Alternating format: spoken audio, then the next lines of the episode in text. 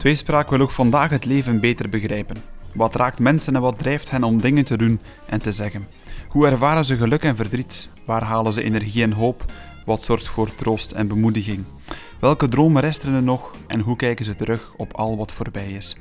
Met tien onverwachte vragen peilen Pieter Jan en Steven naar het leven in al zijn gedaantes en vooral naar de beleving ervan. De vragen liggen vast, de antwoorden kunnen alle kanten uit. Kurt van Egem ging goed drie jaar terug met pensioen, maar we herinneren allemaal zijn geslaagde tv- en radiocarrière. Hittering, namen noemen, heldenmoed en vooral de drie wijzen. Hij mocht honderden mensen interviewen, maar vandaag zit hij aan de andere kant. Danielle van Wezenbeek richtte zelf een succesvol bedrijf op, werd onderneemster van het jaar en ging ook in de politiek. Daarnaast is ze moeder van twee kinderen en schrijft ze columns voor Trends. Het kan niet anders, of dit wordt alweer een heel boeiende tweespraak.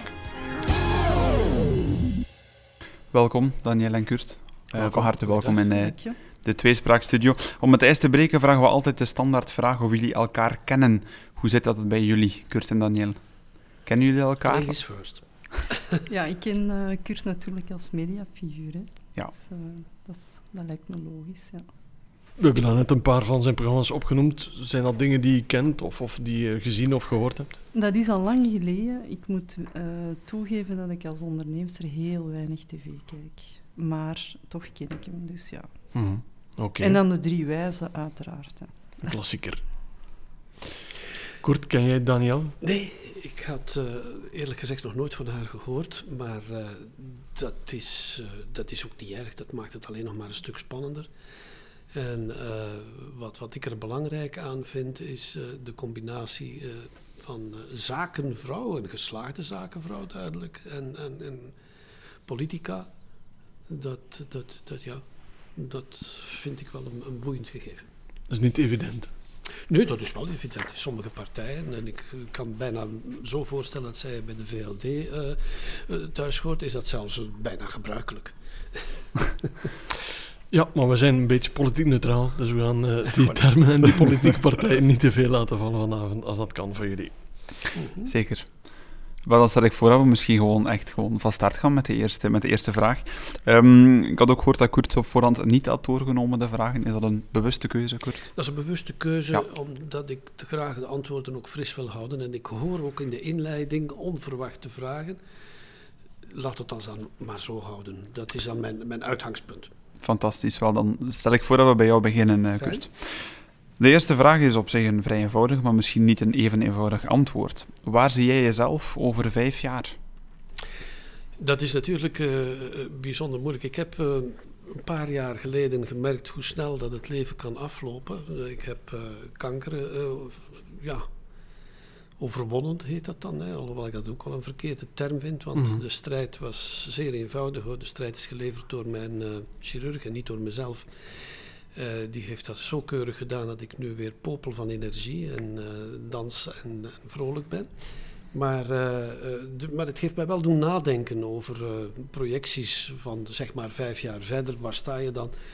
Eh, het- het kan snel gaan, snap je? Dus dan, dan begin je over het leven toch een beetje anders te denken. Maar zoals ik dus nu in het leven sta, hoop ik dat ik nog steeds op dat moment zal bezig zijn met het schrijven van boeken. Dat ik nog steeds zal bezig zijn met het presenteren en optreden, eh, met het eh, maken van, eh, van concerten, van concepten, met het schrijven van columns, met Mhm. noem maar op, alles wat ik op dit moment doe.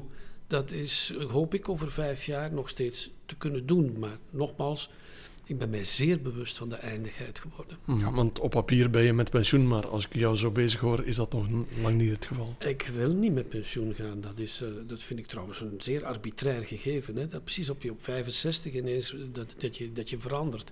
Ik had ook de idee op dat moment van, eh, van eindelijk kan ik het. Ik heb het eindelijk in de vingers en dan stopt het. Dat is niet goed. Dat is een hele fout, fout gegeven. Ja. Ik vind dat je dan moet kunnen doorgaan. Net dan.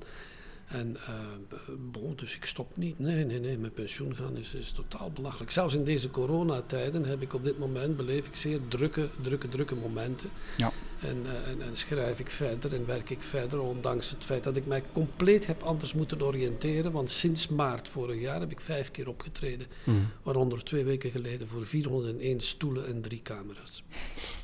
Het livestreamen gegeven. Ja. Lege stoelen. Ja.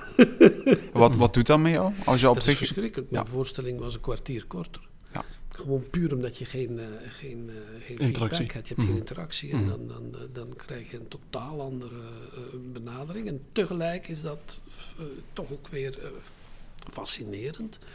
Want de reacties waren zeer goed. En er werd, uh, dat was een, echt een betalende streaming. Mhm. Er hebben heel veel mensen daarop ingeschreven. Mhm. En, en, en gereageerd. En op een andere manier gereageerd. En blij gereageerd. En dat, dat geeft dan toch weer andere inzichten. Dat brengt weer nieuwe, nieuwe ideeën en nieuwe inzichten mee. En geloof je in de toekomst van streaming op, op zo'n op zo'n vlak? Of, of zeg je van nee, je moet toch maar een dat, echte... Ik denk dat streaming wel een absoluut een toekomst heeft. En het, het, het, daar moet meer gebruik van gemaakt worden. Dat zal ook gebeuren. Maar de live thing is de live thing. Hè. Mhm. Je wil het publiek voor je. Je wil de mensen horen meteen reageren. Je wil gelach horen als dat de bedoeling is. Je wil emoties horen en je wil, ze, je wil die...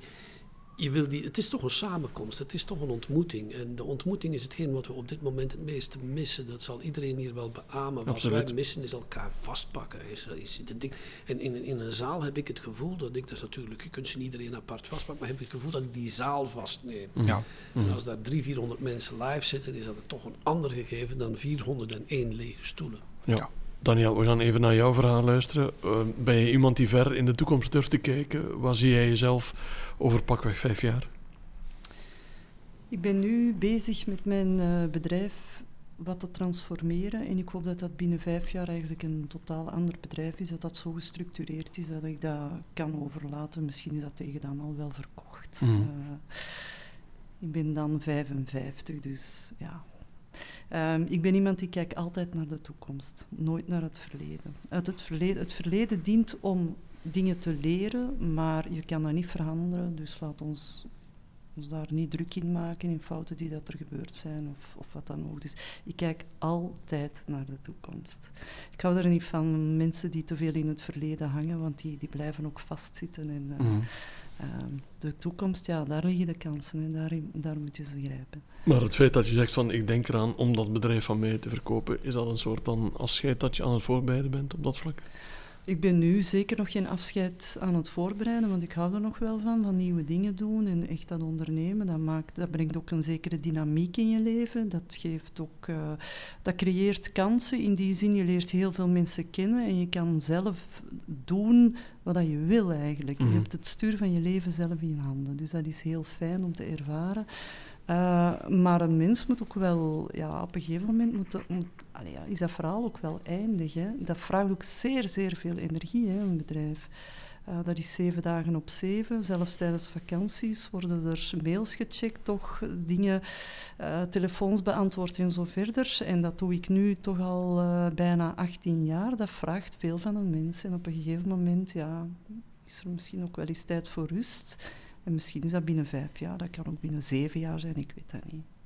Kurt zei het daarnet, die heeft uh, het laatste jaar op zich vijf uh, optredens gehad, dus een, totale kentering. Hoe was dat bij jou het laatste jaar, mogen we binnenkort zeggen, maar we zitten al bijna een jaar in, uh, in deze hele crisissituatie. Hoe was dat voor jou het afgelopen jaar? Uh, wat ik het moeilijkste vond, uiteraard, hè, verrast, einde maart, want ons orderboekje stond goed vol. En, op, en ik dacht van ja, dat, dat komt wel goed. Wij gaan niet zo erg geïmpacteerd geraken, maar na drie dagen bleef daar nog 10% van die omzet over.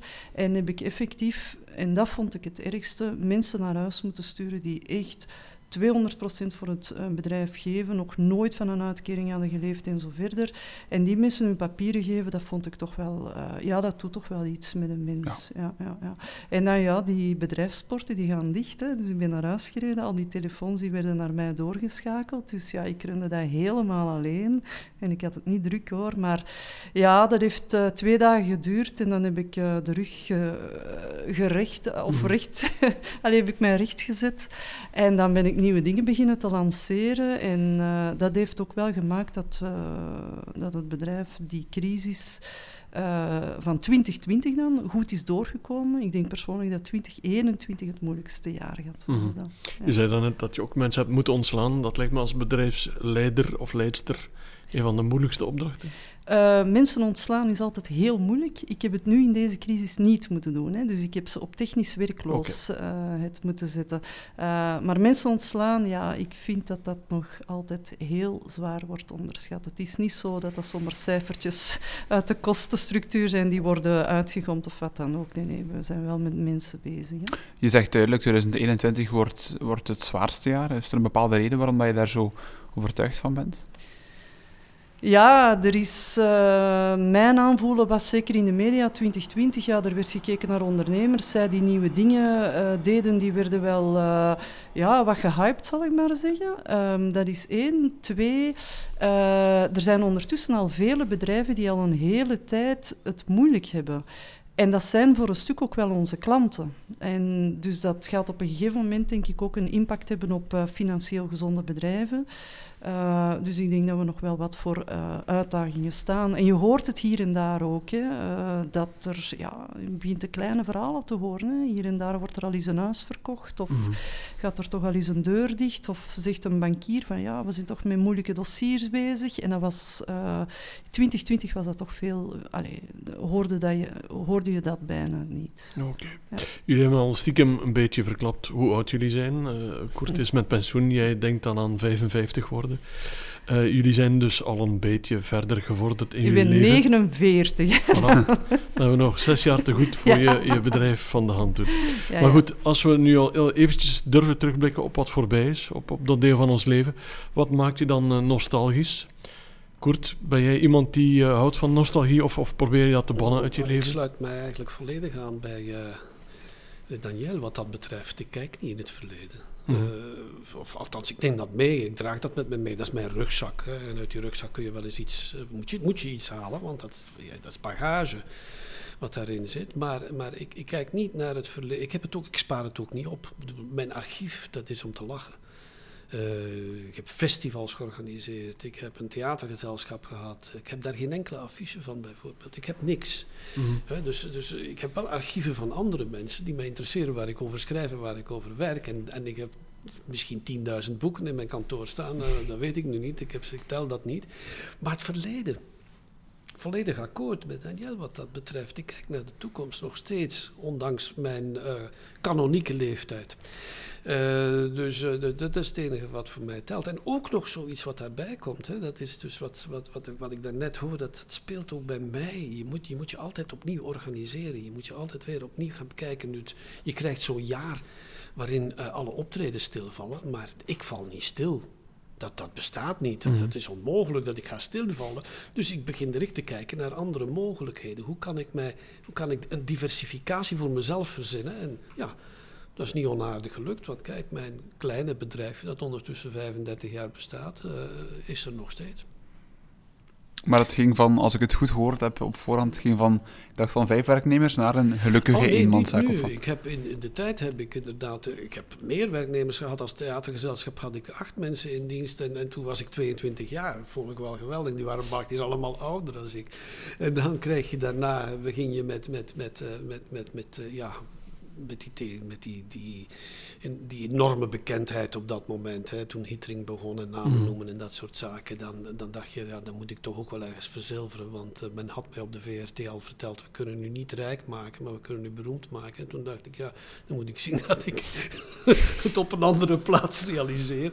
En begon ik met Well Done BVBA, wat ik nog altijd een hele mooie naam vind. Well Done. Als, iemand, als ik de telefoon opnam, opnam dan was dat Well Done, goedemorgen. Dus mm. de mens was al gefeliciteerd om naar mij te bellen. Goed gezien. En, en, en voilà, dus dat, dat, bleven we dan wel doen. En dat bestaat nog steeds, dat bedrijfje. Klein, maar fijn nu. Ondertussen, ja. met, met, met, met, met, met, met, mijn pensioen is daar wel... Uh, uh, mensen zijn ook uitgezworven. Ik heb ook nooit ja. iemand moeten... En dat ook weer iets wat op mij aanslaat. Ik heb nooit iemand moeten ontslaan. Mm.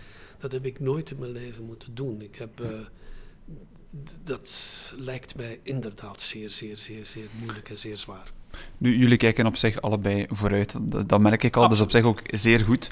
Maar als er dan toch zo elementen zijn, of iets, een, een, een, passage, een gevoel, een moment, een liedje, is er iets dat je zegt van, dat maakt mij toch wel nostalgisch naar de tijd van toen?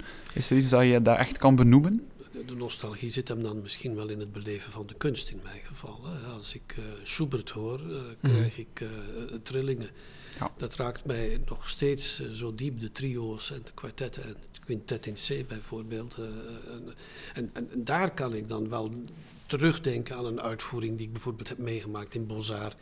Uh, met, met, met de grootste artiesten ter wereld. Ja, dat wel. Hè? Mm. Dat wel. Of, of Cecilia Bartoli, die jullie ongetwijfeld allemaal kennen, de beroemde mezzosopraan. Ik heb haar vijf keer in mijn leven geïnterviewd. En uh, als je dan haar terugziet in, in, in een zaal en, en ze herkent je en, en we hebben weer daar wordt naar gerefereerd. Ja, dat zijn mooie momenten. Dus mm. ik, ik koester een hoop mooie momenten, dat wel. Dat wel. Dat zou nogal logisch zijn. Uh, ik bedoel, onlogisch zijn, mocht ik dat allemaal willen vergeten en uit mijn, mijn hoofd pannen. Dat kun je niet. Ik koester die momenten, die zijn prachtig geweest. Maar er is eigenlijk, als je dan toch één moment wil. De eerste keer dat ik dus inderdaad mijn man heb ontmoet, dat mm. is uh, ondertussen ook meer dan 25 jaar geleden misschien is dat wel het allermooiste moment in mijn leven. Oké. Daniel, je zei ook daarnet dat je vooruitkijkt, dat je misschien niet uh, gebaat bent bij nostalgie, maar zijn er zo van die dingen die jou toch doen terugdenken aan de tijd van toen? Ja, jawel. Ik ben uh, afkomstig uit Kalmthout. Hè. En, de Kempen? Uh, de Kempen, de Noorderkempen. En ik ben opgegroeid met de Kalmthoutse heide. En uh, ja, als ik daar kom, dan word ik wel nostalgisch. Ja. Dus die, die heide, die, ik ben er dit weekend nog geweest, want het was heel mooi. Hè. Ze lag onder een sneeuwtapijt en de vinnen waren bevroren. En dat is echt een moment dat alle kalmtoutenaren, verspreid over heel België, die komen dan naar Kalmthout. Dat is zo, en die gaan daar schaatsen. Um, maar die Kalmthoutse heide is wel verbonden met mijn jeugd. Hè. Ik heb in de scouts gezeten, uiteraard, al die scouts scoutsvergaderingen gingen door in de Kalmthoutse Heide. Mm. Maar ook als wij uitgingen, gingen wij eerst met een groep kinderen, kinderen of vrienden liever, uh, naar de heide. En dan gingen we daar nog van alles uitsteken. En dan pas gingen we naar de fuiven. Dus uh, ja, ja, dat is toch wel... En hoe beleef je dat dan als je daar bent? Is dat... Ja eh, ja, ik vond, uh, ik vond en ik vind nog altijd dat daar een zekere ongedwongenheid uh, hangt voor mij dan. Hè. Ook mijn, mijn vrienden die kennen mij als wie ik echt ben, die kijken naar de mens en niet naar de functie. En dat vind ik toch nog altijd, nog altijd wel ja, heel aangenaam. Ik kan daar volledig mezelf zijn. ja van over jezelf zijn, misschien de slag maken naar tot rust komen. Zijn er zo van die plaatsen, kom je dan echt tot rust op de Kanthoutse heide? Of zijn er andere momenten of plaatsen dat je zegt van, daar kom ik met mijn druk leven dan bijvoorbeeld wel volledig tot rust? Buiten zijn, hè. Ja. Buiten zijn in het algemeen, ja. En dan niet in, in, in drukke steden, hoewel ik wel graag in steden kom. Hè. Dus in mijn geval is dat Leuven. Maar uh, over het algemeen de natuur, ja. Ik ben heel graag buiten. Ja. Oké. Okay. Kurt? Wel, ik uh, heb dit eigenlijk nog nergens verteld, maar ik vermoed dat er ook niemand meer luistert. Maar ik heb zo'n dikke 30 jaar geleden heb ik een stulpje gekocht in het midden van Frankrijk. Uh, in, waar niemand woont, waar niemand is, dichtste boer, de dichtste boer, ja, want dat is buur en boer, het verschil is zoveel. Uh, dat is op 750 meter en dan moet ik voor de volgende alweer een kilometer verder. En als ik daar ben, dan hoor ik de stilte. En de stilte horen, dat bestaat eigenlijk niet. Dat is iets heel vreemds. Vanaf het moment dat je het ene dier, dat het andere dier belaagd hoort, dan weet je dat je in de stilte zit.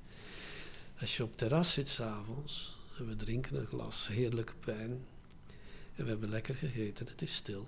Er is niets en ja, de zon is zachtjes aan weg aan het gaan, dan komen de dieren. Dan komt bijvoorbeeld een uil en dan hoor je ineens... En dan weet je wat er gebeurd is. Dat is dat die uil een of andere muis heeft gevangen. En die kan het niet meer navertellen. Of zoiets van die strekking. En dat is fenomenaal. En als ik dan naar boven kijk, dan zie ik de sterren. En dan zie ik niet één of twee of tien sterren. Ik zie er miljarden. Ja. En er komen er altijd maar bij. En dan denk je, hoe klein zijn wij? En dan begin ik mij af te vragen, is er tussen een van die sterren misschien ook wel een of andere zon die ook nog eens een planeet of acht heeft. En is er op een van die planeten misschien ook een mens? Of iets dat men daar, of een wezen, of iets dat leeft. En hebben die dan ook een God uitgevonden om te aanbidden? Want dat, dat, doen we hier op aarde. We vinden dan niemand uit. We kunnen zeggen dat hij het heelal gemaakt heeft. Dat, dat zijn dan de levensvragen die dan opkomen waar je over praat. En wijn kan daarbij zeer helpen om te filosoferen. Mhm. Dat zijn uh, de momenten waarop dat je helemaal weg van de wereld bent, de totale rust krijgt. En heb je die stilte vaak nodig? Ja, ja, ik denk dat dat, dat iets is voor binnen de, van zodra dat wij weer de grens over mogen. Ga ik om te beginnen gaan kijken of mijn, mijn waterleiding niet bevroren is. en in tweede instantie uh, terug gaan genieten van die, uh, van die absolute stilte. Ja. Mooi. Het is belangrijk ook om daar van vandaag, denk ik, nog altijd, uh, zeker in de situatie van nu, voldoende stilte te kennen en voldoende rust ook uh, te ervaren. Absoluut. Uh, lieve vrienden, als ik jullie al zo mag uh, bestempelen, jullie zijn eindredacteur van kranten en jullie mogen één quote drukken die overal zal verspreid worden en overal zal gezien worden. Hebben jullie dan één woord, één slagzin die je met de wereld wilt delen, Daniel? Ik vond dat een moeilijke vraag in die zin. In de huidige actualiteit hoop ik dat er morgen in de kranten zal staan. Uh, vanaf morgen mogen de restaurants open. Ja. uh, ja, ik heb toch wel heel veel nood aan dat uh, sociaal contact. En ja, ik weet niet, die horeca, dat is toch echt onze. Ja, dat zit in ons DNA, in ons Belgisch mm. DNA. Dat wij zijn een, een land van van goed eten, Bourgondiërs, uh, van melk en honing eigenlijk. Uh, ja. Dus ja, ja, dat was het eerste wat in mij opkwam. En als je daar zo naar snakt en je kan het niet, heb je dan een manier om dat te compenseren op een of andere manier? Nee, eigenlijk niet. Eigenlijk niet. Nee, nee. ik denk dat we onze focus moesten verleggen. Bij mij is dat mijn bedrijf. Hè. Dat, dat, moet, uh, dat moet absoluut overleven. Uh, sociale contacten, ja, ik ben het ook wel beu hoor, al die Zoom-meetings en al die digitale dingen. Daar komen goede. Ik denk dat er in de toekomst daar goede zaken uit zullen komen, maar wij, wij blijven sociale dieren. Hè, dus, uh... Je hoort dat veel inderdaad, zo wat die digitale moeheid die echt wel toeslaat. Nu ook omdat veel mensen het ook gewoon echt gehad hebben ook, hè, met mm de vele Zoom-meetings. Ja. En om de horeca te compenseren, dan veel takeaway thuis? Of, of zelf dat niet? Uh... Ik heb dat eigenlijk niet gedaan, hè, want ik ben iemand die bijzonder slecht georganiseerd is en dan moet je dat weer inplannen en, en zo verder. Dus ik heb dat nog niet gedaan. Nee. Nee. Dus je kookt dan thuis zelf? Of, of ja, ik, ja, ik kook. Ja, een takeaway, ja, dat is even goed ook wel eens een keer naar de frituur gaan, maar ja. eigenlijk komt het niet zo heel veel voor. Nee. Nee. Maar ze verdienen het wel, hè, onze horeca-mensen. ja. ja. Absoluut. Kort, jij bent eindredacteur van uh, alle media in Vlaanderen en je uh, verspreidt een quote die door iedereen gezien zal en kan worden. Welke quote is dat? Gezondheid. Uitroepteken of? Uitroepteken. Ja. Dat is het enige wat wij op dit moment naar snakken. Het is de, de, de zin die uh, op de 1 januari aan elkaar wordt uh, gewenst. En uh, dat is hetgeen wat, wat wij willen, gezondheid. En als, als, als iedereen gezond is, komt al de rest terug. Mm -hmm. Komt ook dat sociaal contact terug, komen die restaurants terug. Ik ben zelf nu iemand die elke dag kookt en die kan de restaurants nu al verwittigen. De lat komt hoog te liggen, want door, door een jaar lang dagelijks bezig te zijn. Uh, als ik nu bijvoorbeeld een ossobuco ergens ga eten, ga ik hem vergelijken met degene die ik zelf maak. En ik kan u vertellen, dat moet in orde zijn vanaf nu maar eh, dat is natuurlijk uh, ja, even tussendoor. Maar, maar je snakt inderdaad ook naar, naar met elkaar te eten. Wat heb ik gewenst aan een lieve vriendin die gisteren verjaarde? Ik heb haar om te beginnen gezondheid gewenst. En ik heb om te tweede heb ik gezegd van... En dat we binnenkort weer op ons terras mogen, mogen samen eten. En, dat het wat, en ze stuurde meteen iets terug van... En of ik er naar snak. En dat is hetgeen waar wij op dit moment mee bezig zijn. We willen elkaar zien, dus uh, mm. we willen elkaar voelen, we willen elkaar omarmen, we willen elkaar samen praten, we willen met elkaar eten. Eten is het delen van alles. De, de maaltijd is de belangrijkste, het belangrijkste moment van de dag. Ik, ik, ik zit thuis met iemand die dus dag in, dag uit Zooms doet en meets van 12 uur per dag, want hij doet dus op dit moment werkt aan die, aan die contacten, aan die, sorry, aan de vaccinatie op dit moment. Mm. Dus hij is daarvoor verantwoordelijk. En uh, hij heeft het bijzonder moeilijk, want hij heeft niks om, om, om uit te delen. Ze hebben een geweldig systeem op punt gezet met 70 vaccinatiecentra, met onvoorstelbare systematieken. Iedereen gaat op tijd zijn brief en zo weet ik veel. Maar ze hebben godverdorie lege dozen. En uh, niks om te verkopen. Dat is, dat is, dat is een, elke bedrijfsleider zal beseffen dat dit een, een enorm frustrerende uh, tijd is.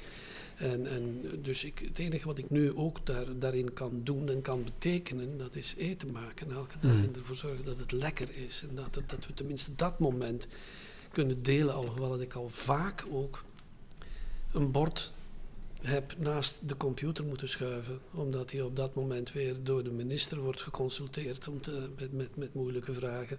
En alles moet omgeturnd worden. Want dus het is, het is, het is, het is eh, inderdaad, het zijn, zijn, zijn zeer vreemde Mhm. rare tijden. Maar Mhm. gezondheid, uitroepteken, dat zou ik als krantendirecteur nu graag op de voorpagina hebben staan van alle media. Hm. Want zal dat ook het eerste zijn dat je zal doen als alles weer mag? Samen met vrienden iets gaan eten? Of, of denk je dan nog aan andere zaken? Denk het wel, ja.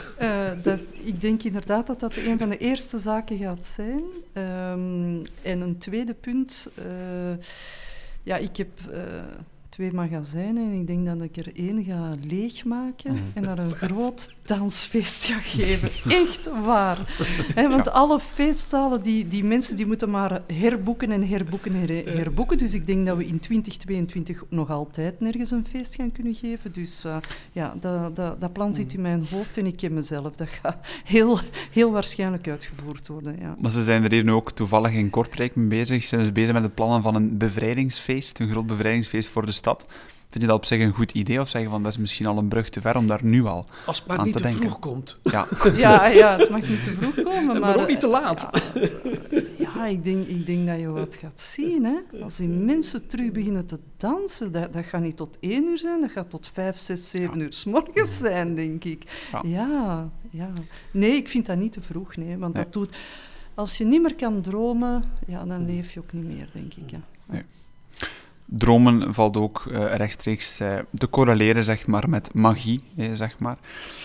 Stel je voor dat je morgen één magische gave bezit, die je zelf mag kiezen. Wat wordt die magische gave? Kort. Magische gave, dat is zoiets heel vreemd. Hè? Als je daarover gaat nadenken. Oh, wat, wat, wat kan daar de, diepere bedoeling van zijn van een Ik bedoel, ik ben ongelooflijk gelukkig met hetgeen wat ons is toebedeeld als mensen. Het hoeft niet meer te worden. Het hoeft ook niet meer te zijn. Eh, eh, de magie, eh, ja, met, met kaarten spelen en dat soort zaken. En met balletjes en weet ik veel wat die je kunt tevoren toveren. Zover gaat het dan wel. Maar het hoeft niet meer te zijn dan wat het is. Hè. Er is, er is de zon die elke dag opkomt en ondergaat. Er zijn de sterren die verschijnen. Er is de zee die, die op en af gaat. Er is, een, een, een- er is de natuur die, die ons alles vertelt. Ik maak op dit moment een boek over een, een zeer belangrijk, eh, geniale schrijver, en, en, eh, sorry, schrijver, componist en schilder, hè, eh, Mikalojus Constantinas Tsurlionis. Je zult er misschien nog niet over gehoord hebben. Maar die man heeft heel zijn korte leven de natuur proberen te benaderen, die natuur proberen in beelden te vatten en die natuur in muziek proberen te vatten.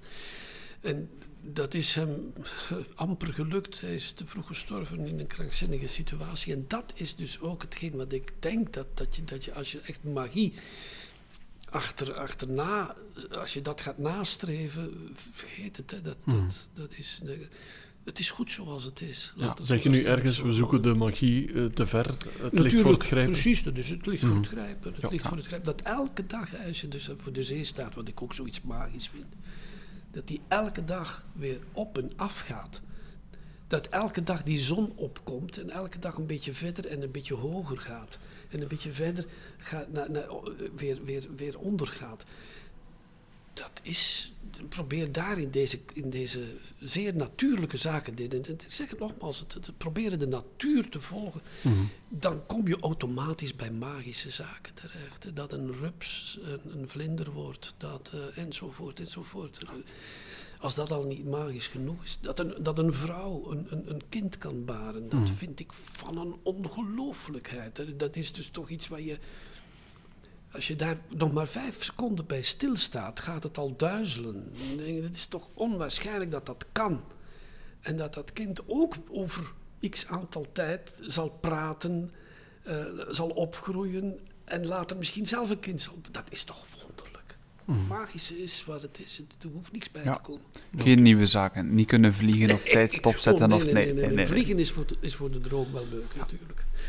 Daniel, ben jij ook zo realistisch en uh, voetjes op de grond of zeg je ik heb toch wel een magische gave in mijn gedachten? Ik kwam tot dezelfde conclusie en dat was van, ja, ik ben eigenlijk tevreden met, met wat ik heb. Zo. Uh, je moet het in de kleine dingen gaan uh, zoeken. Maar ik dacht van, ja, ik moet hier toch een antwoord op verzinnen hè, op, graag, die, op deze vraag. En vliegen is een beetje te voor de hand liggend. Uh, maar dan dacht ik van, ja, tijd, tijd, tijd. Ja, ik zou, denk ik, een achtste dag van de week kunnen maken. Dat, dat, ja, dat zou ik misschien nog wel doen. Uiteraard een weekenddag. Hè. Mhm. Ja. Um, ik vind die, die weekenden die, die duren wat kort. Uh, zaterdag start het en zondag is het eigenlijk al bijna ten einde. Dus het zou toch Mhm. prachtig zijn moesten we er zo ergens een derde dag hebben. Elke week een klein vakantietje. Wel, ik, had, ik had zelf ook gehoord van eh, mensen die druk hebben, mochten ze een achtste dag hebben, zouden ze hem nog vol plannen. had ik ook al gehoord. Dus, ja, eh, dat kan zijn. Dat kan ja. zijn ja. Ja. Tijd is toch wel, ja, dat is toch wel mijn ergste vijand soms. Ja. Het is de grootste luxe. Ja, ook. Ja. Kan het ook een bondgenoot zijn, een soort luxe product, zoals Koert zegt? Ik denk dat dat te maken heeft met een gedrevenheid dat, dat in u zit. Uh, Hmm. Misschien niet kunnen stilzitten of uh, ja, maar het is een luxe. Hè. En ik ben jaloers op mensen die echt uh, in alle rust kunnen genieten van de tijd die ze nog hebben. Maar uh, ja, dat is een gevoel dat ik niet ken. Nee, Mm. nee.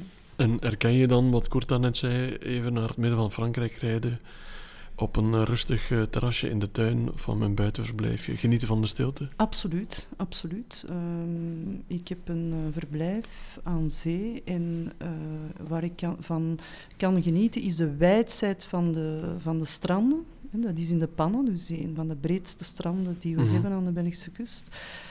En daar helemaal alleen zijn, uh, daar kan ik wel van genieten, ja, dat klopt. Maar die eerste momenten overvalt mij dat dan ook. Hè. Dus die, die tegenstelling van de hectiek ten opzichte van de rust uit de natuur, uh, dat is bananenshock. Ja. Mm.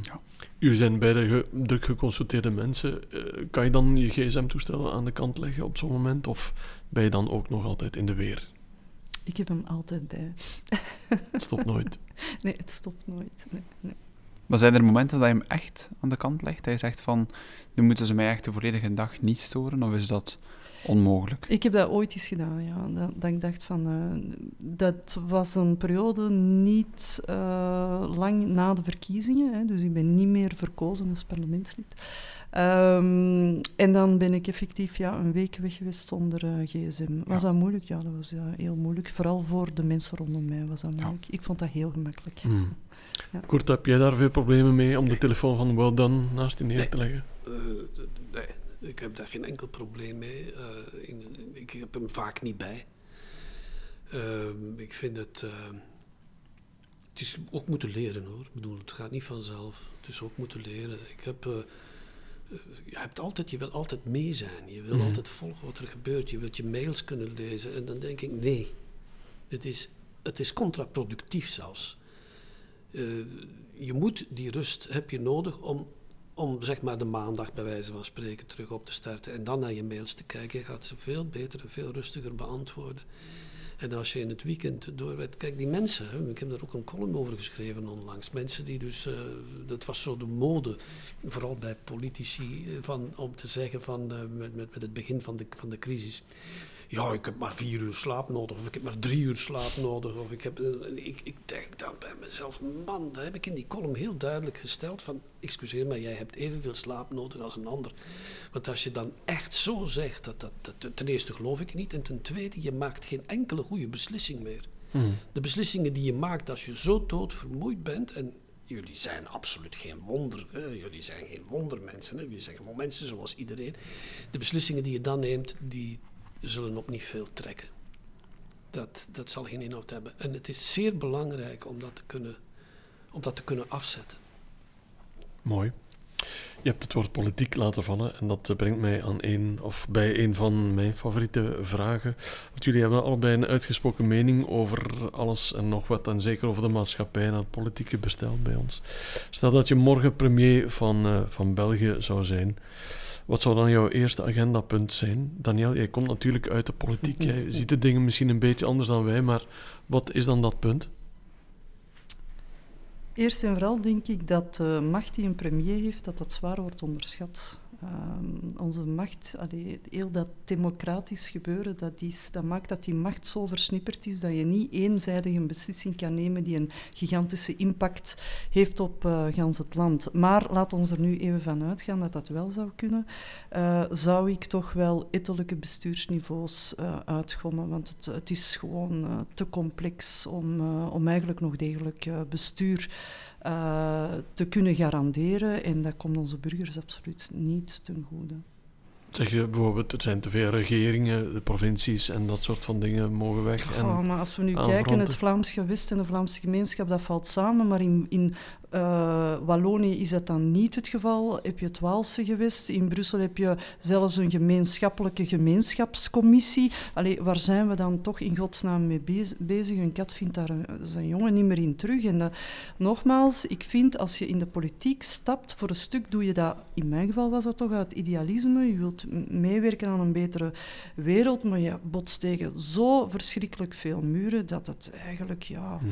toch wel een heel, heel moeilijke opdracht wordt. Ben je dan met een soort frustratie uit de politiek gestapt, mogen we dat zo zeggen? Uh, ik kon eigenlijk niet meer goed tegen de vijandigheid. Mm -hmm. um, ja, dat is een, uh, pff, hoe moet ik dat zeggen, dat is een, een, een, wereld waar heel, heel veel wantrouwen is ten opzichte van de ondernemerswereld. Ja, daar heerst zo, vind ik, hè, zo ervaar ik dat, uh, een soort sfeer van kijk, laat ons samen nieuwe dingen doen en doe je mee. En ja, zo'n soort van team spirit. Dat is mijn ervaring.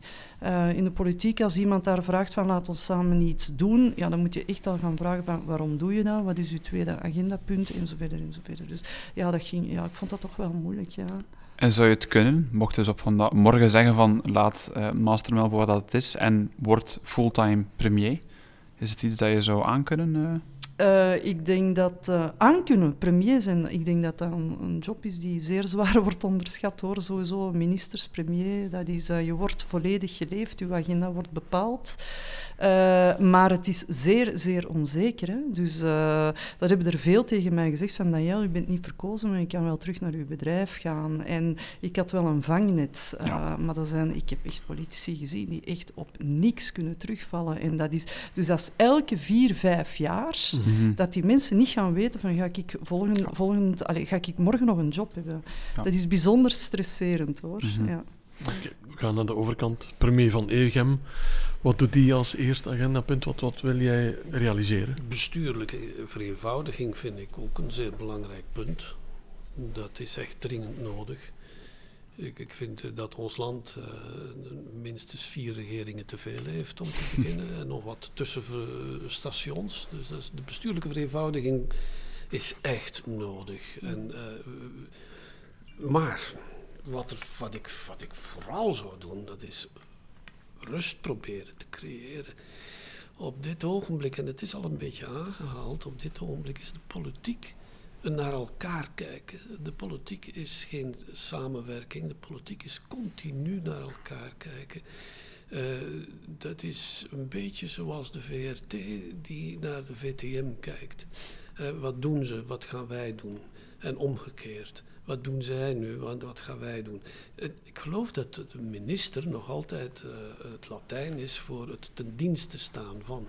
Een minister moet ten dienste staan van de bevolking. Een eerste minister moet er uiteraard per, per, definitie ten dienste staan. Hij is de primus inter pares. Dus hij ten dienste staan van de bevolking betekent dat je al je energie stopt in, in, in die bevolking en niet in het kijken naar wat doet de ander. Dat is onvoorstelbaar vermoeiend. Mm. Dat haalt elke, uh, uh, ja, elke positieve energie uit het hele bedrijf. En onze politiek is overal hoor trouwens, is in dit bedje totaal ziek. Maar echt zo ziek dat het versmacht. Men, men, men kan in zeer weinig nog realiseren. Uh, je ziet dat ze onder een immense druk staan. Uh, ministers worden door de pers opgehitst, worden, uh, moeten continu ook uh, spitsroeden lopen, want de bevolking heeft via de sociale media een soort van lawaaiidmachine uh, cadeau gekregen, waarmee dat ze denken dat ze iedereen zomaar kunnen uitmaken voor rotte vis. En, uh, dus, dus de politiek is ook een, een, een beroep waar, waar nog weinig idealisten echt hun, uh, hun, hun voet in willen zetten. En, zou het bijvoorbeeld iets zijn voor jou? Ik, ik zou nooit aan politiek kunnen doen. Dat is, ik ben iemand die aan de kant staat en die daar de, de, de, de, de beste stuurlui is, dat weet ik ook wel. En daar geef ik ook grif toe. Ik heb daar de, de, de capaciteiten niet voor. Ik heb te dichte politiek gezien uh, uh, om te weten hoe, hoe onvoorstelbaar zwaar dat, mm. dat beroep is. Ik zou dat niet aan kunnen. Ik geef dat grif toe. Je hebt daar echt een, de, mensen voor nodig die, uh, ja, die, over, die over andere kwaliteiten beschikken dan, dan uh, je moet compromis kunnen maken ja. enzovoort en zo verder. Uh, dat valt mij al vaak heel erg moeilijk. en als je dat weet, dan weet je dat je daar moet buiten blijven. Maar heel belangrijk, laat ons toch uh, kat en kat noemen, laat ons werken voor de bevolking. En laat ons niet werken zoals twee bedrijven die naar elkaar kijken en proberen met elkaar continu te concurreren dat, dat is contraproductief, dat haalt alles naar beneden. In de politiek heb je dat niet nodig. In de politiek moet je de dingen samen realiseren voor de burger. Mooi. Dus inderdaad al bij een duidelijke visie. Maar ik vraag me dan ook af, is het op vandaag nog oplosbaar? Uh, heel de structuur, de politieke structuur, of zeggen jullie echt van beter gewoon alles even van tafel en gewoon herbeginnen met een, met een wit blad? Dus op zich. Bestuurlijke hervorming zou toch al een enorm uh, wit blad geven. Ik denk dat daarover moet nagedacht worden. Men is dat van plan. Men wil dus allerhande uh, uh, senakels bij elkaar roepen. Die gaan kijken over hoe het verder moet met dit land. Want we hebben het heel ver laten komen. Laten we eerlijk zijn. We hebben het gewoon veel te ver laten komen. Die opdeling, dat moet gedaan zijn. Wat realiseer je daarbij? Er is ook niemand, dat hoor je nooit. Hè, als bijvoorbeeld een, iets wordt gesplitst in dit land, wat men tot nu toe al heel mijn leven aan het doen is, heeft er, wordt er nooit verteld wat dat kost. Dat kost waanzinnig veel. Elke splitsing heeft miljarden gekost. En dat wordt er nooit bij verteld. Men denkt altijd van dat splitsen, dat geeft bevoegdheden, pakketten, gaat meer naar Vlaanderen. Onzin. Het kost gewoon fortuinen. En iemand, een politica, zal dat mij dat waarschijnlijk ogenblikkelijk gelijk geven daarin. Uh, dit kost fortuinen, splitsen. Heeft men het te ver laten komen, zoals uh, Kurt ook suggereert? Ik denk dat wel, ja. Dat men het... Uh, en er wordt hier in dit gesprek, denk ik, één ding vergeten. Hè. Dus wij burgers, hè, want ik zit niet meer in de politiek, ik heb geen mandaat niet meer. Wij vinden dat de politici ten dienst moeten staan van de burgers, maar in de politieke wereld draait het maar om één ding en dat is macht. Hè. Dat is macht. En dat is... Uh, als je dat weet, dan begrijp je ook beter waarom dat er soms hele vreemde beslissingen worden gegeven, uh, genomen. Hè. Mm. Zeker in die staatshervormingen. Waarom gaat bijvoorbeeld een bepaald departement niet volledig naar oh. Vlaanderen of naar federaal of wat dan ook? Dat is natuurlijk omdat er een of andere politicus die bevoegdheid toch niet volledig wilt uh, gaan over, uh, overdragen of wat dan ook. Dus ja, dat, mm. dat, maakt het dus zeer, zeer moeilijk. En als je nu terugkijkt, Daniel, mm, wil je dan zeggen dat je het mist of, of dat je blij bent dat je er vanaf bent? Ik heb het uh, werk als parlementslid zeer graag gedaan. Dus het is de taak van een parlementslid om kritisch te kijken naar een uh, regering en eigenlijk ja, controle uit te oefenen op wat de, wat de uitvoerende macht doet. Dat heb ik zeer, zeer graag gedaan, maar het duurt lang eer dat je begrijpt hoe dat, dat werkt. Um, dus uh, ja, parlementslid, ja, dat is, daar zou ik nog wel voor tekenen. Maar minister of zo, premier, dat vijven, echt waar. Laat ons van de favoriete vraag van uh, Steven, die toch altijd een serieuzere vraag is, naar mijn favoriete vraag gaan. Um, en dat is de volgende. Mocht je vandaag moeten je ultieme guilty pleasure benoemen, wat zou die dan zijn? Misschien een keer beginnen bij Daniel. We hebben al van alles gehoord. We hebben al mellowcakes gehad, we hebben al pralines gehad, we hebben al naar thuis kijken. Heb je een bepaalde guilty pleasure? Dat je zegt van, daar ben ik eigenlijk niet of wel beschaamd om.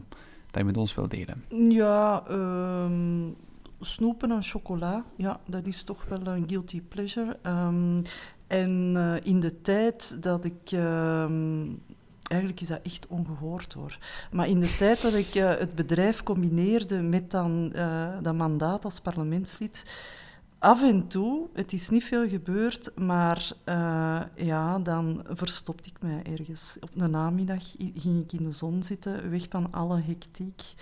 Uh, ergens een koffie drinken op een, gazon, op een gazonnetje of zo.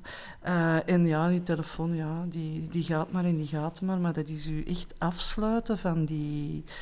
Ja, van dat hoog tempo. Hè. Uh, ja. En eigenlijk, ja...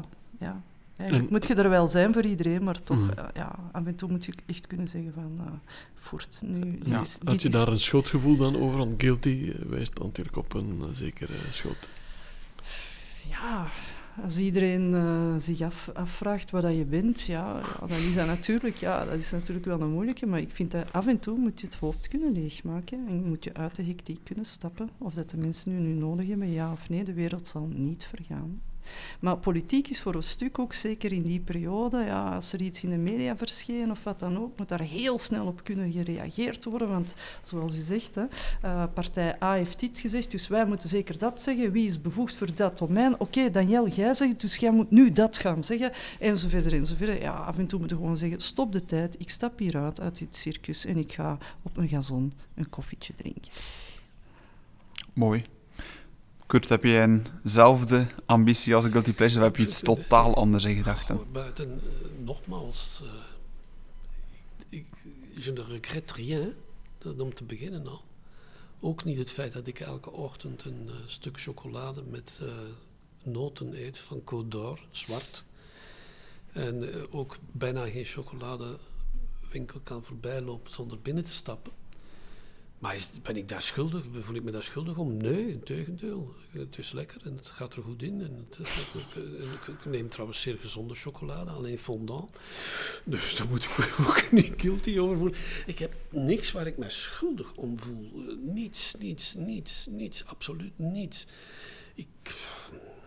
Nee. Ik, uh, ja, je zou kunnen denken, je reist veel. Mm -hmm. Dat uh, is op dit moment natuurlijk een. Uh, een enorm probleem.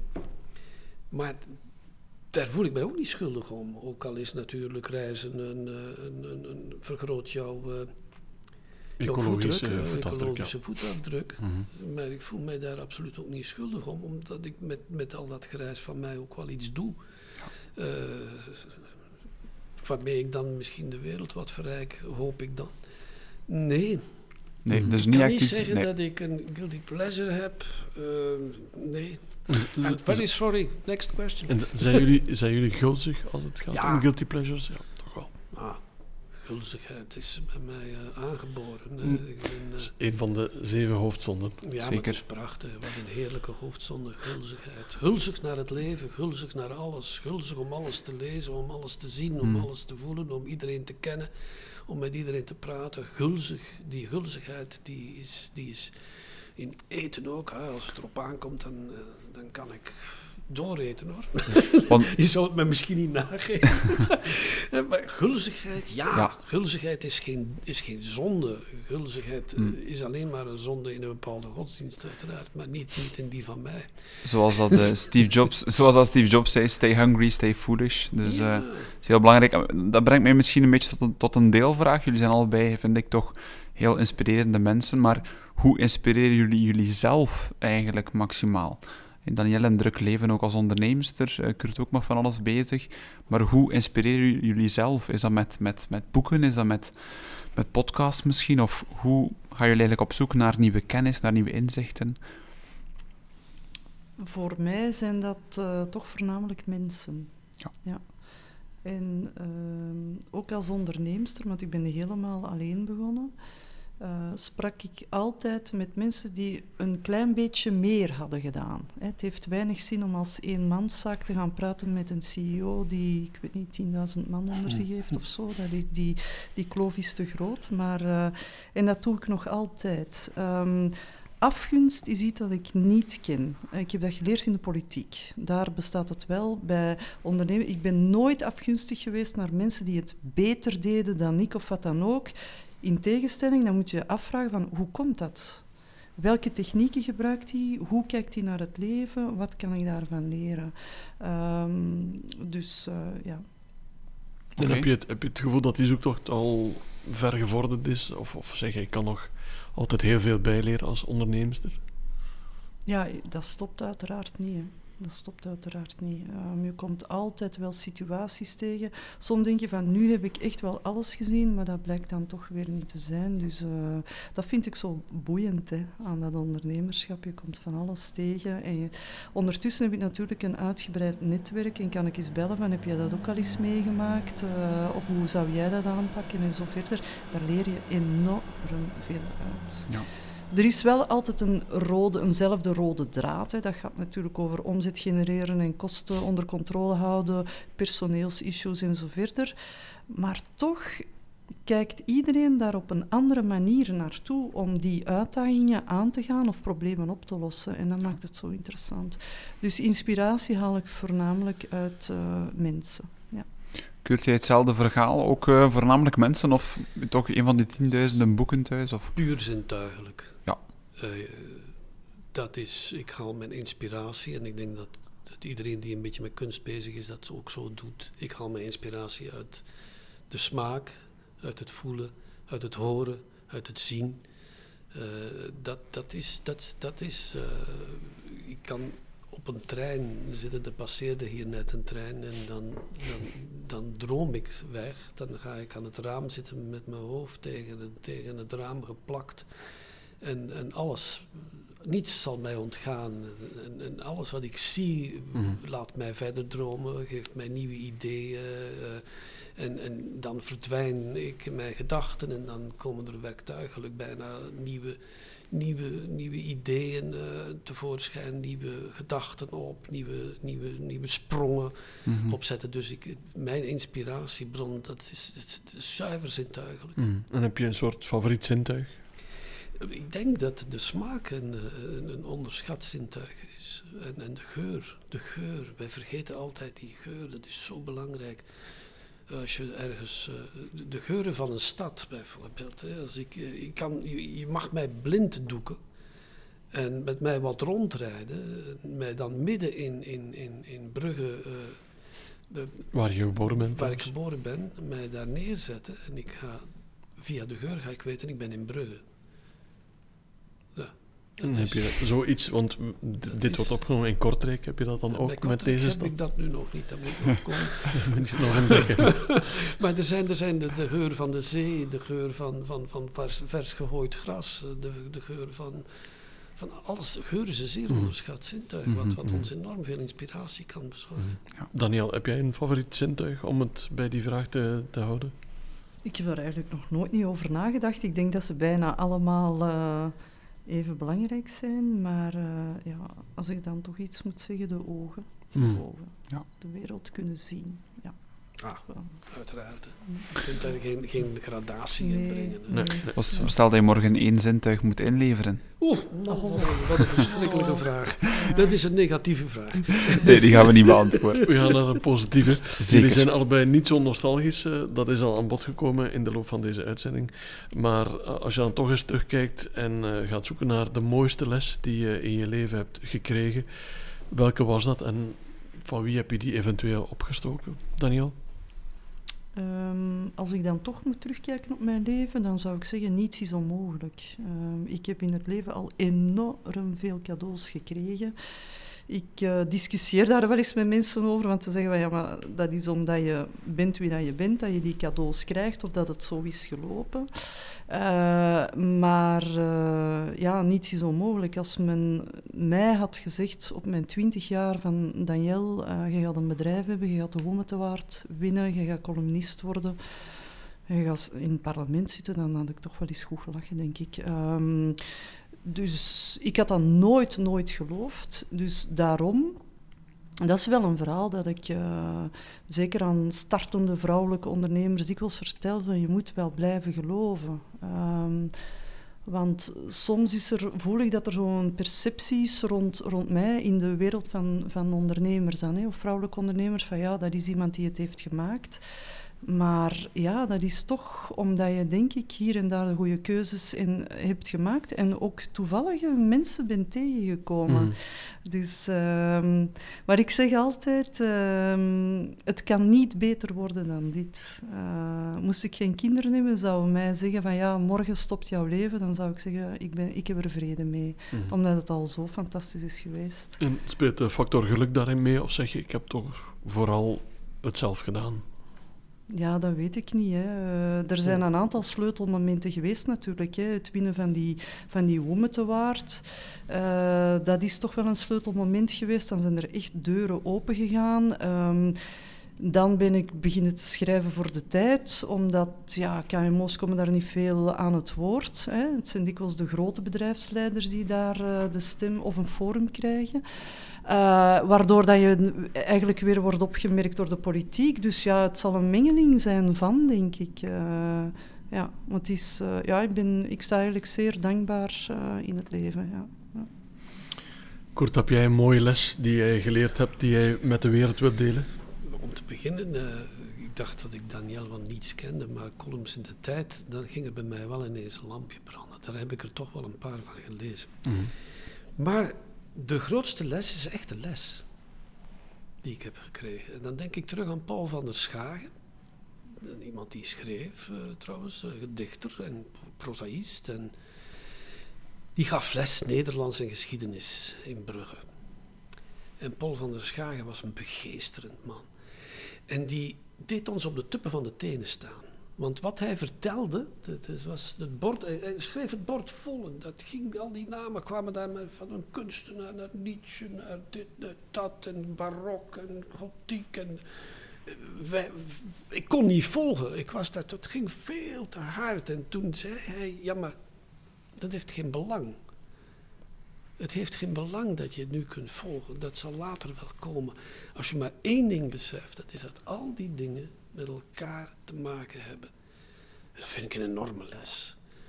Alles bouwt altijd op iets anders. De, nooit komt iets vanzelf. En in de geschiedenis, hij gaf geschiedenis en hij gaf Nederlands, kwam dat, hij gaf die lessen door elkaar. Dat helemaal die eindtermen, daar veden die fraai zijn voeten aan, denk ik, als die toen al zo bestonden. Maar hij legde, dit, er zijn altijd de verbanden.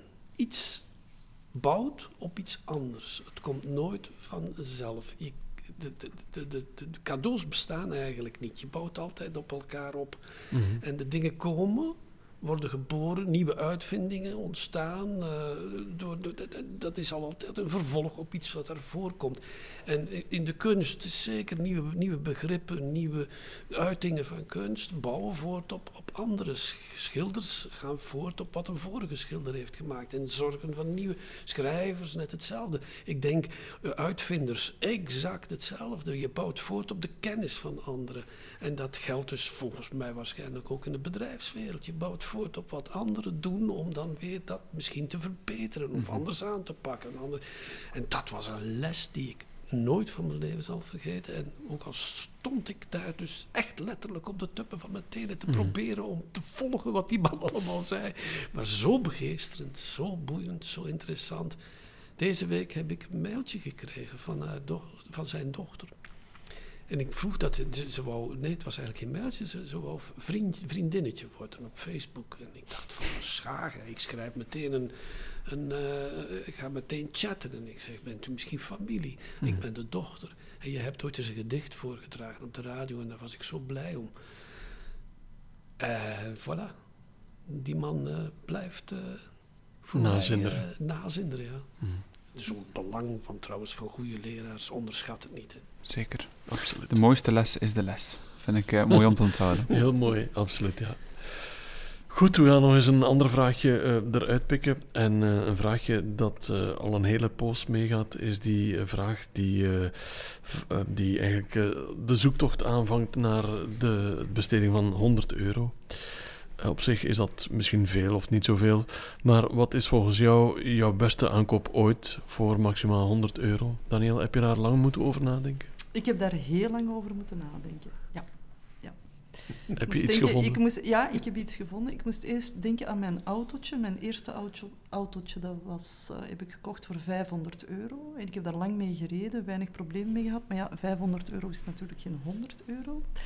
En dan heb ik gedacht, eh, ofwel een, een- boek van Pascal Nases, eh, want je bent effectief wel wat je eet. heeft een, echt wel een, een invloed op je functioneren. Mhm. Maar ik heb gekozen voor mijn loopschoenen. Eh, het kan zijn dat ze iets meer hebben gekost dan 100 euro, maar het zit er toch rond. Ehm, omdat eh, loopschoenen, ja, lopen op zich, dat is zulke een eenvoudige sport. Je kan overal je loopschoenen aandoen. En eh, ik vind na een paar kilometer, dan kom je in een soort van trance en dat geeft mij een enorm gevoel van vrijheid. Eh, dus lopen maakt het hoofd echt, echt wel leeg. Dus ik vind eh, prijs-kwaliteit, eh, kan je niet beter hebben. Nee, daar sluit ik me zeker bij aan, de liefde voor lopen. Dus, eh. Kurt, hetzelfde. Ja, moeilijke vraag als je hem zo op je dak krijgt. ik heb me niet voorbereid, maar het is toch, toch weer, het schiet mij iets te binnen ineens als een soort bliksemschicht.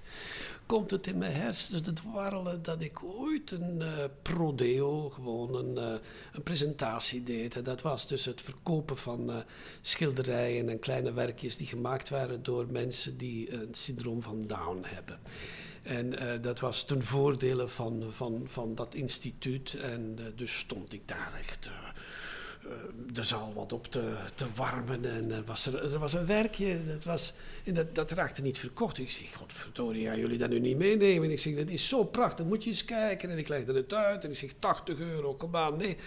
En toen zei ik, weet je wat, ik koop het verdomme zelf. 100 euro, alstublieft. En je komt er niet meer aan te pas, jullie zeveraars, zoiets moois. En dat hangt bij mij nu al jaren in de keuken.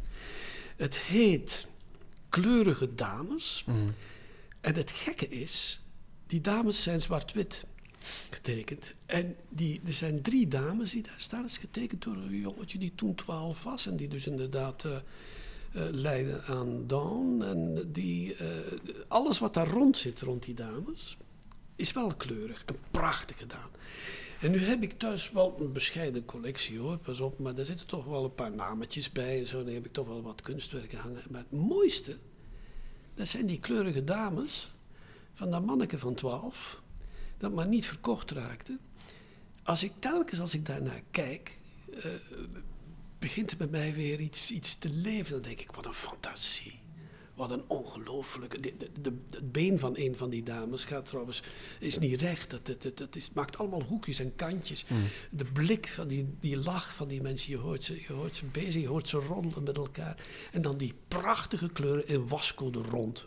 En dan toch kleurige dames. Terwijl het decor kleurig is. Ik vind het zeer leuk. Mooi.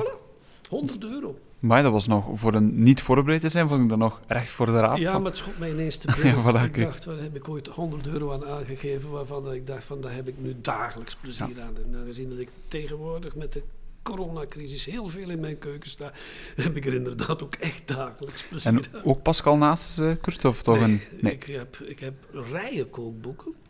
Echt, eh, ja, Schappenvol. schappenvol.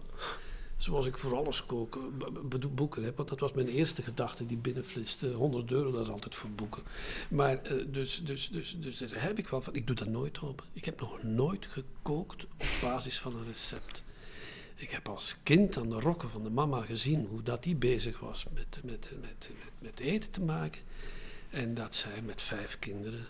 Er werd dus eten gemaakt dagelijks. Ja, in Zeebrugge woonden wij, verse vis. Ik hoef het niet te vertellen. Prachtige dingen. De bouillons die trokken. Ik trek nog steeds zelf een bouillonneke en, en, en, en zo van die zaken. En daar heb je die lekkere ossobuco leren maken. Voilà. En daar begin je dus, daar leer je dus, daar doe ik mee verder. En ik probeer me nu wel, wel te experimenteren. Maar Ja. en ik zie wel eens wat op televisie. Of Mhm. ik lees wel eens een boekje iets over een bepaald gerecht. Maar ik volg nooit een receptuur. Oké, we hadden het over maximum 100 euro. Is, is geld eigenlijk iets wat belangrijk is in jullie levens? Welke rol speelt dat? Daniel? Ehm, ik denk dat het voor mij niet belangrijk is, maar ik heb het wel graag. Ja, het, het, het maakt het leven wat gemakkelijker natuurlijk, maar ik denk, of het is mijn overtuiging, dat ehm, als je gaat handelen hè, als ondernemer en je of je focust je enkel en alleen maar op de centen, dan ben je verkeerd bezig. Want dan ga je niet investeren op de lange termijn. Uh, ja, dat, dat is korte termijnvisie en daar raak je niet ver mee. Maar uiteraard, uh, ja, voldoende centjes hebben. Hè. Uh, zorgen dat je niks tekort hebt. Af en toe jezelf eens iets kunnen permitteren dat je graag hebt, wat dat, dat ook mogen zijn. Uiteraard is dat heel gemakkelijk. Ja, dan kan je al eens uh, duurdere loopschoenen kopen. Dan kan je al eens duurdere loopschoenen kopen. Maar omgekeerd, dus ik laat, voor, ja, ik laat mijn leven daar toch zeker niet door bepalen, maar ik besef dat het gemakkelijk is. Andersom denk ik wel, uh, mensen die in armoede leven, uh, dat is zeer, dus die zitten ergens onder een kritisch punt. Ik ben geen expert daarin, maar onder een kritisch punt dat dat dus zeer, zeer uh, ja, bepalend wordt voor hun leven. dat die, die kunnen niks doen, die kunnen hun dromen niet waarmaken, omdat er gewoon een constant tekort aan centen is. Dus ik denk dat iedereen wel een soort van ja, basis inkomen of, of welzijn moet hebben. Hè.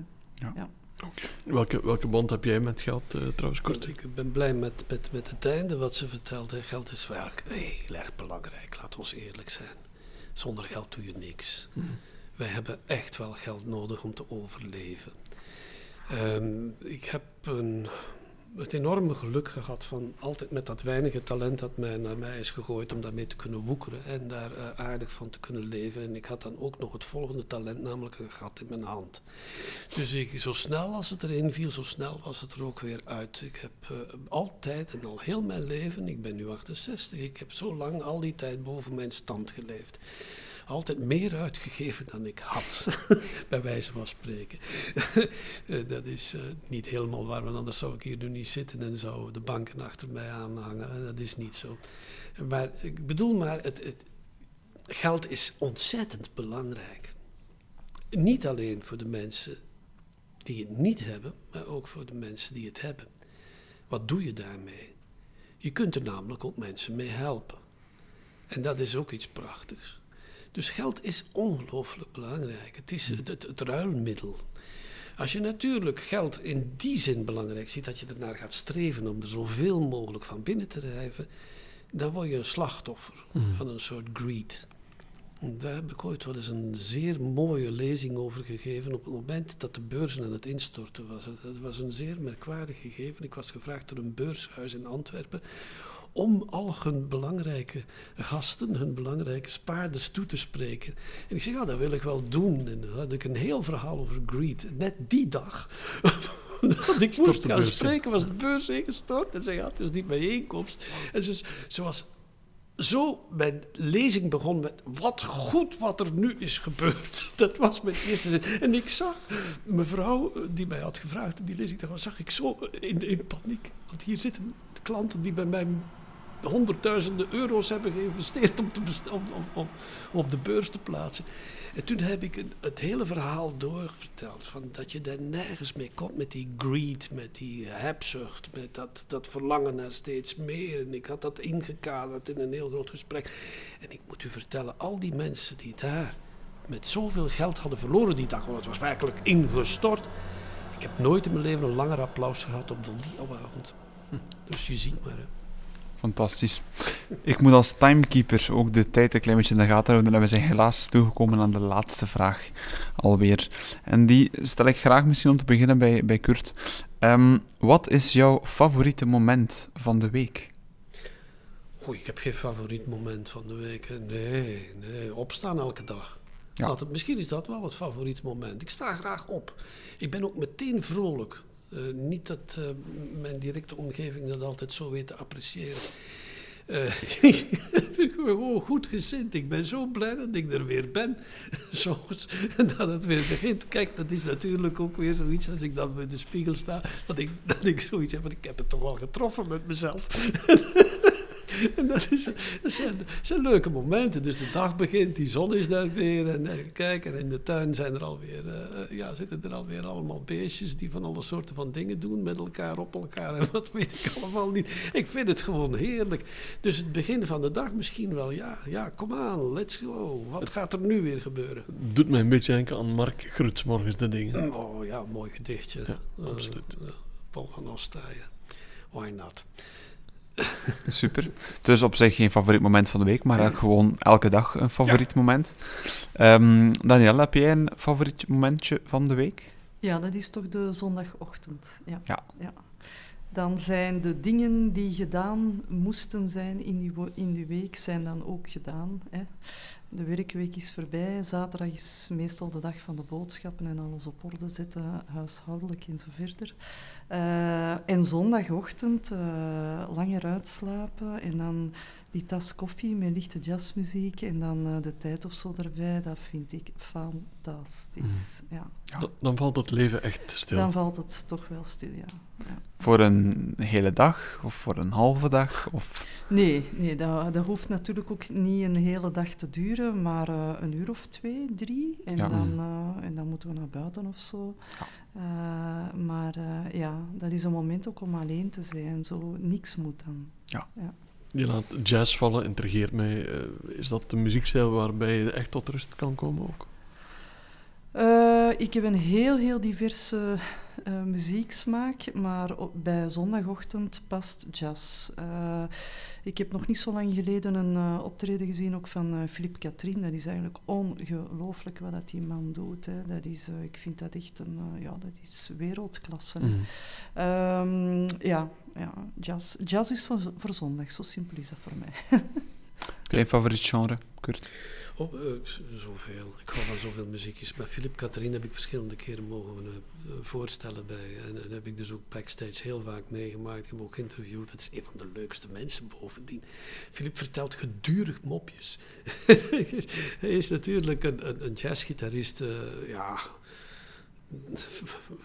oorcategorie. Hè. Absoluut. Uh, ja. Zijn eigen nummers als hij speelt. Je zult het ongetwijfeld kennen. Dat, dat is allemaal prachtig. En uh, ik weet nog dat ze samen speelde met, met zijn goede vriend toen nog, Toet Stillemans, toen hij nog leefde. En uh, dat, dat hij daar ook bij mogen bij. Daar hadden ze een blinde pianist bij. En dus always Sandy aan het joken, weet je wel. Ja. En dan krijg je eten vooraf. En dan, mm. voordat dat concert begint. En die blinde pianist ziet natuurlijk niet wat er in zijn bord ligt. Maar die eet maar. En en, en Toets en Philippe die leggen altijd maar stukjes bij en zeggen, vind je het lekker? Ja, zegt die blinde, maar het is wel veel. en zo zijn die jongens, ik vind het geweldig jongens. Hè. Dat doen we zo'n anekdotes die daarop komen. Ja. Maar Philippe Catherine is natuurlijk een wonder. Hè. Dat, is, dat, is, dat is een van die, van die toptalenten die we in het land hebben. En op jazzvlak, ja, we hebben er nog een paar hoor. Maar dit is, ja, het is, het is ook echte jazz. Ik ben zo blij dat ik hoor dat, dat je koos voor echte jazz. Hè? Want je hebt ook het woord jazzy. Mm. Ja. En dat vind ik verschrikkelijk. nee, nee, you go for the real thing. Net zoals je blues hebt en bluesy en ja, dat ja, soort van dingen. Zeker, the, the real thing, dat is een belangrijke. We zijn aan het einde gekomen van deze podcast en dan blikken we met onze gasten vaak ook terug op de voorbije podcast. Hoe heb jij het beleefd, Danja? Hoe, hoe vond je het? Ja, ik vond het eigenlijk wel heel boeiend. Het was uh, heel leuk om uh, te zien hoe Kurt op de vragen antwoordde. Het was ook verrassend, vond ik, hoe dat we soms echt wel op dezelfde golflengte zaten. Dus uh, ja, fijn. Want jij had je huiswerk op voorhand gemaakt. Heb je daar lang moeten over nadenken, over de meeste vragen? Nee, maar ik vond het... Nee, nee eerlijk gezegd, ik had ze in mijn auto afgeprint. Want ik, ik heb toch uh, lang moeten rijden en dan had ik uh, de tijd om erover na te denken. Maar ik vond het geen evidente vragen. Dus mm -hmm. alle respect voor Kurt, die daar toch ongelooflijke antwoorden uit zijn mouw wist te schudden. Uh, ja, ja, ja. Dus ik heb er toch wel even over nagedacht. Ja. Het was inderdaad merkwaardig, Kurt, hoe, hoe, jij het ene antwoord na het andere uit je mouw ja, maar dat is, uh, dat is ook mijn vak. Hè. Als zij nu morgen aan mij zouden vragen om een bedrijf uh, met, uh, ik weet niet hoeveel mensen dat je werkt, om dat te gaan overnemen, dat te gaan leiden. Goed, ik ben natuurlijk wel, ik heb wel wat bedrijfservaring, en, maar dat is altijd in de kunsten geweest. Dan vrees ik dat ik daar ook niet veel van ga pakken. Ja, maar er zijn vragen en er zijn niet evidente vragen natuurlijk. Ja, nee, maar ik het leuke voor mij is altijd bij een vraaggesprek, uh, dat is niet weten wat er gaat komen. En dat had ik ook als interviewer. Ik bereidde mijn interviews uiteraard wel zeer hard voor, maar ik hield niet van voorgesprekken. En ik heb ook never in my entire life, en ik heb duizenden mensen geïnterviewd, heb ik vragen doorgespeeld. Dat heb ik nooit gedaan. Dat is, uh, dus dat blijf ik ook niet. Het moet spontaan en, en, en, en uit, de, uit de losse hand. Ja. Voilà. Top. Alleszins uh, bedankt voor jullie aanwezigheid, allebei. Uh, het was uh, heel fijn, dat vond ik alvast uh, van mezelf ook. En zeker ook van Steven, denk ik. Ja, ik heb er heel hard van genoten. Ik heb dingen ontdekt die ik nog niet kende, dus altijd interessant. Super, bedankt. Oh, jullie allebei heel goed. En bedankt Steven ook opnieuw. Dankjewel Pieter Jan en tot de volgende tweespraak. Tot tweespraak.